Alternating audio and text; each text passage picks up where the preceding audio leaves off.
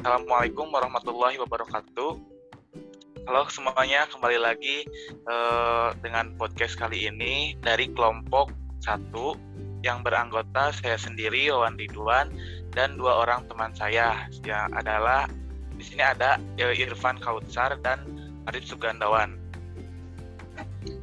Nah, oke okay, teman-teman, uh, hari ini kita mau ngebahas mengenai salah satu industri yang lagi naik daun beberapa tahun ke belakang. Dan ternyata Indonesia juga memiliki prestasi di industri tersebut. Nah, apakah industri ini yang kita akan bahas adalah tentang finansial teknologi uh, atau lebih dikenal dengan fintech. Dan pada kali ini kita akan mendengarkan sharing-sharing langsung dengan narasumber. Uh, beliau ini merupakan seorang pengusaha masih muda, keren. Nah, sekarang langsung aja ya teman-teman uh, untuk sambut ya, yang bernama Salman Faruqi. Nah, halo Salman, apa kabar? Alhamdulillah baik. Nah, oke okay, teman-teman, ini adalah uh, seorang wirausaha muda ya yang bernama Salman.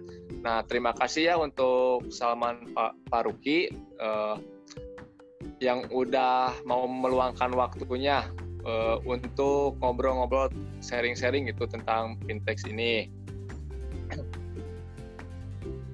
Nah, para pendengar semuanya, berbicara tentang era digital, maka kita tidak akan pernah lepas dari yang namanya financial technology atau biasa kita sebut dengan fintech. Financial technology juga merupakan sebuah inovasi terbaru dari adanya 4.0. By the way, gue mau nanya, sebelum kita ngebahas dari poin-poin itu, kira-kira menurut Salman seberapa penting kita perlu melek tentang financial teknologi? Menurut gue sendiri, jadi di zaman sekarang itu zaman modern dan di era digital, serba digital, itu kita sebagai uh, kaum milen milenial itu wajib sih wajib uh, memakai fintech. Uh, se untuk sebagai transaksi sebagai investasi itu sekarang semua serba digital. Karena uh, sebelum adanya fintech dan sebelum fintech ini maju kita untuk investasi aja susah dan untuk berbagai transaksi aja itu juga cukup sulit. Dan sekarang juga uh, dan sekarang juga karena era sudah sangat-sangat maju jadi kita apa aja itu serba mudah asal kita juga memanfaatkan kondisi dan situasi yang sekarang sudah sangat maju ini. Ya, sebelumnya ada suaranya nggak? Ya, oke okay, baik. Uh, jadi uh, tadi menurut Salman tersendiri bahwa uh, te finansial teknologi ini sangat penting ya, bisa disimpulkan sangat penting Nah, oke okay, baik. Jadi uh, itu gimana pentingnya kita melek tentang fintech. Apalagi nih pengusaha gitu ya uh, seperti Salman. Mungkin selanjutnya kita akan coba membuka wawasan pendengar tentang masyarakat Indonesia yang masih uh, awam terhadap fintech tersebut. Nah karena banyak nih yang uh, sekarang image-nya terjadi yang terjadi adalah ketika kita sebut fintech itu pasti kebanyakan orang itu yang mengira bahwa fintech itu dikenal dengan uh, negatif. Misalnya nih dari uh, dengan adanya bunga yang tinggi, terus uh, sampai adanya teror-teror kayak gitu. Nah, kalau menurut Salman tersendiri nih, uh, bagaimana mengenai fintech yang lebih dikenal dengan dari sisi negatifnya? Uh, menurut gue sendiri sih emang benar-benar nggak direkomendasikan sih dari gue sendiri karena emang gue juga mengalami uh, gimana ya mengalami efeknya dari pinjaman contohnya pinjaman bank. Dan sekarang juga banyak pinjaman-pinjaman online aplikasi yang mengiklankan di YouTube di Google Ads itu banyak aplikasi-aplikasi pinjaman online. Dan emang mereka itu bunganya juga lumayan sih lumayan besar. Dan menurut gue menyiksa juga untuk UMKM jadi ya untuk UMKM sendiri untuk masalah pinjaman online dan sejenisnya seperti itu nggak direkomendasikan bagi dari gue sendiri karena emang benar-benar uh, efeknya juga sangat menyiksa. Uh, Oke, okay. uh, mungkin dari Salman tadi uh, mengenai masalah hal negatifnya tentang fintech uh, bisa disimpulkan ya tidak setuju gitu ya dengan adanya uh, apa sih peminjaman uang online itu karena disebabkan uh, bisa apa ya mengurangi kepercayaan para peminjam gitu. Soalnya kan peminjaman online itu bunga-bunganya itu sangat besar ya. Nah, uh, selanjutnya kita langsung bahas aja ya ke perkembangan fintech di Indonesia nih. Nah, sebagai pengusaha dan anak muda, apa sih yang bisa kamu lihat atau yang bisa kamu rasakan sebagai pemilik uh, usaha tentang perkembangan dari fintech ini? Bagaimana tuh, Man? Uh, yang gue rasakan sendiri mungkin dari transaksi itu lebih mudah dan dari cara menyimpan uang, dari cara ber, uh, berinvestasi itu benar-benar sangat mudah sekali di zaman sekarang karena sudah didukung sama teknologi-teknologi yang sangat maju. Contohnya kayak kita uh, selama setahun ini kan kita melakukan usaha dan kita sudah mendapatkan hasil dari usaha tersebut daripada uangnya kita simpan di tabungan atau kita simpan uang cash itu lebih baik kita investasikan di apa namanya di aplikasi dan sekarang benar-benar sudah sangat mudah dan teknologi ya sudah maju. Nah, oke. Okay. Mungkin uh, yang bisa saya petik nah dari tentang perkembangan fintech tersebut. Nah, jadi menurut kalau menurut Pir, uh, Salman pribadi uh, malah apa sih menggunakan fintech tersebut itu uh, banyak manfaatnya ya, itu seperti itu. Nah, oke, okay, uh, eh, lalu selanjutnya nih, by, by the way, sekarang kan uh, lagi di tengah pandemi nih, setiap usaha itu uh, terpaksa bergerak. Nah, karena perekonomian di Indonesia itu mulai uh, turun. Nah, nah uh, selain itu juga kan ekonomi serba ekonomi itu berubah ke arah online semua. Nah, seperti ini para UMKM bisa uh, beralih ke serba digital. Nah, yang jadi pertanyaannya adalah menurut uh, saudara Salman sendiri sebagai pemilik usaha ya. Nah, bagaimana tantangan dan peluang fintech uh, ke depannya, terutama di uh, tengah pandemi seperti ini? Untuk fintech sendiri dan untuk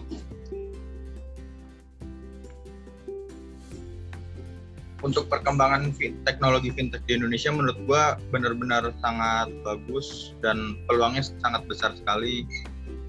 Dan untuk uh, masalah kita untuk melakukan usaha di era sekarang ini masih benar-benar peluangnya sangat besar dan sangat-sangat lebar sekali. Asal kita ingin menggu asal kita ingin maju dan uh, memanfaatkan situasi dan kondisi yang sekarang ada. Kita bisa menggunakan Contohnya kita bisa menggunakan Instagram Ads, Facebook Ads untuk memasarkan produk. Terus kita bisa menggunakan endorse dari selebgram, dari artis-artis. Semua serba online dan semua serba digital. Untuk masalah transaksi juga sekarang sangat mudah bisa menggunakan aplikasi Dana, OVO, dan transfer bank, virtual account. Benar-benar sangat mudah dan sangat oke okay sekali. Oke, setelah yang dapat saya simpulkan nih, jadi dapat dikatakan kalau peluang masa depan vintage dalam membangun ekonomi masih sangat cerah ya, Man? Ya benar, sangat sangat cerah. Nah, nah ya, uh, setelah kita membahas mengenai pentingnya dari finansial teknologi tersebut, nih uh, kita bergeser sedikit ya, Man. Yang ini ber, uh, berikutnya dengan adanya wabah COVID-19 ini nih banyak kan para pelaku UMKM yang beralih bisnisnya ke serba digital. Nah, seperti apa yang sudah kita ketahui bahwa di era digital sekarang sudah banyak aplikasi-aplikasi nih yang untuk mengatur keuangan gitu. Yang tadi disebutkan kan tadi yang disebutkan oleh Salman tuh Dana itu kan cara aplikasi untuk transaksinya. Nah, ini ada juga udah mulai hadir aplikasi untuk mengatur keuangannya. Nah, eh, salah satunya itu dari segi catatan keuangan seperti buku kas, warung buku dan lain-lain. Nah, menurut Salman sendiri selaku pelaku usaha nih, apakah penggunaan aplikasi untuk mengatur keuangan itu uh, bakalan efektif atau tidak bagi Salman sendiri? Menurut gue sendiri itu tergantung kebutuhan masing-masing dari pelaku usaha. Ada yang cukup dengan buku catatan, manual, mungkin ada contohnya seperti Alfamart, Indomart dan lain-lain kan mereka butuh uh, rekapan dan input input data dan mereka uh, untuk mencatatnya juga kan memakai digital. Dan selagi uh, kita membutuhkan juga uh, membutuhkan catatan digital dan selagi kita tidak uh, merasa tersiksa dengan adanya aplikasi buku catatan digital itu ya oke-oke aja, fine-fine aja menurut gua. Yang penting kita bisa bergerak uh, bergerak bebas dan uh, selagi tidak tersiksa ya oke okay, sih fine. Oh oke okay, baik berarti menurut Salman dengan adanya aplikasi uh, pengukuhan ini uh, atau catatan keuangan digital akan sangat membantu bagi para pelaku usaha begitu ya? Ya benar sekali. Oh iya man, gini kan ya mungkin mungkin nih beberapa masyarakat ada yang sudah ada yang tahu dengan adanya aplikasi ini. Namun masih bingung cara penggunaannya dan bahkan ada pun beberapa masyarakat yang mungkin belum mengetahui adanya aplikasi tersebut. Nah, pertanyaannya di sini, bagaimana menurut Salman agar masyarakat dan para pelaku usaha itu dalam pencatatan keuangannya bisa beralih ke digital? menurut gue sendiri ya apa yang tadi udah gue bilang uh, udah gue bilang.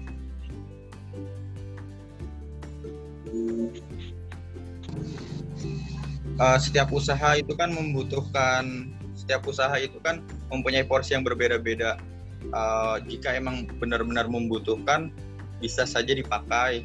Dan jika belum membutuhkan ya mungkin mereka masih manual banyak kok yang apa namanya yang benar-benar belum membutuhkan juga. Kayak toko-toko sembako, terus toko pulsa yang tanpa apa ya, uh, pokoknya seperti toko sembako, toko pulsa dan lain-lain, uh, dan seperti uh, yang toko Alfamart, Indomart, terus kayak mall-mall gitu, toko-toko yang ada di mall itu mereka juga sudah membutuhkan catatan digital dan di teknologi finansial ini juga mereka memasarkan target kepada kaum milenial. Karena di era modern ini era modern ini tumbuh di eh, zaman-zaman uh, seperti kita ini. Mungkin ya baru-baru. Dan di zaman-zaman dulu yang uh, contohnya kayak yang punya Alfamart, Indomart itu kan mereka belum ada yang namanya financial teknologi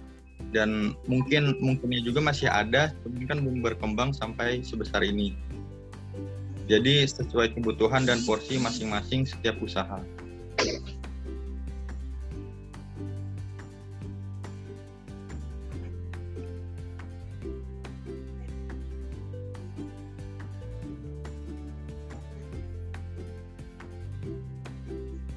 Oh, oke. Okay.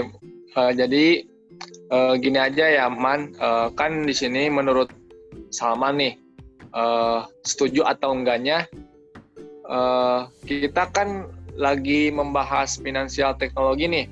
Uh, di dalam finansial teknologi ini tidak hanya uh, membahas tentang pencatatan keuangan secara digital saja. Nah, namun ada juga seperti pembayaran secara digital, non non non digital Nah, adapun e, menyatakan bahwa pembayaran digital lebih aman daripada tunai gitu. Nah, menurut Salman e, dari pernyataan tersebut, apakah Salman setuju atau tidak nih? Uh, menurut gue sendiri ya setuju setuju setuju aja.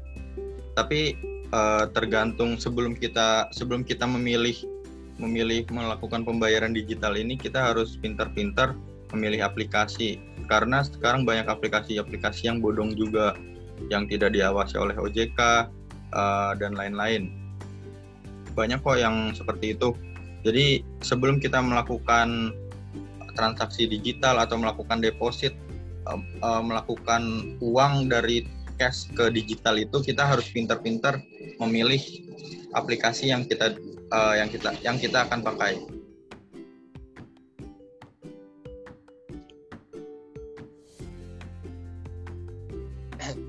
Oke, uh, mungkin uh, Irfan akan menanggapinya.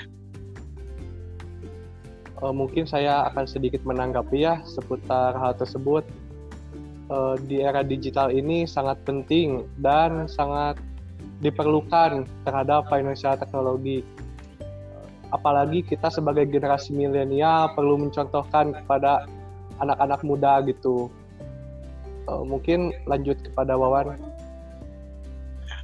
Oke, baik. Uh, sebelumnya suara saya terdengar ya? Ya, terdengar, Wan. Oke. Uh, teman-teman ya, uh, berhubungan waktu udah mulai uh, habis. Uh, terima kasih yang telah bergabung di podcast kami kali ini. Nah, uh, saya akan memetik dari apa yang disampaikan oleh narasumber kita kali ini. Nah, bisa saya simpulkan bahwa apa yang disampaikan oleh narasumber kali kita kali ini tentang finansial teknologi itu sangat penting pada era digital dan e, memiliki banyak manfaatnya juga ya. Nah, mak finansial teknologi yang kita bahas itu ada dua di antaranya aplikasi catatan keuangan secara digital dan pembayaran secara digital, serta manfaatnya untuk menjadikan segala sesuatu lebih mudah.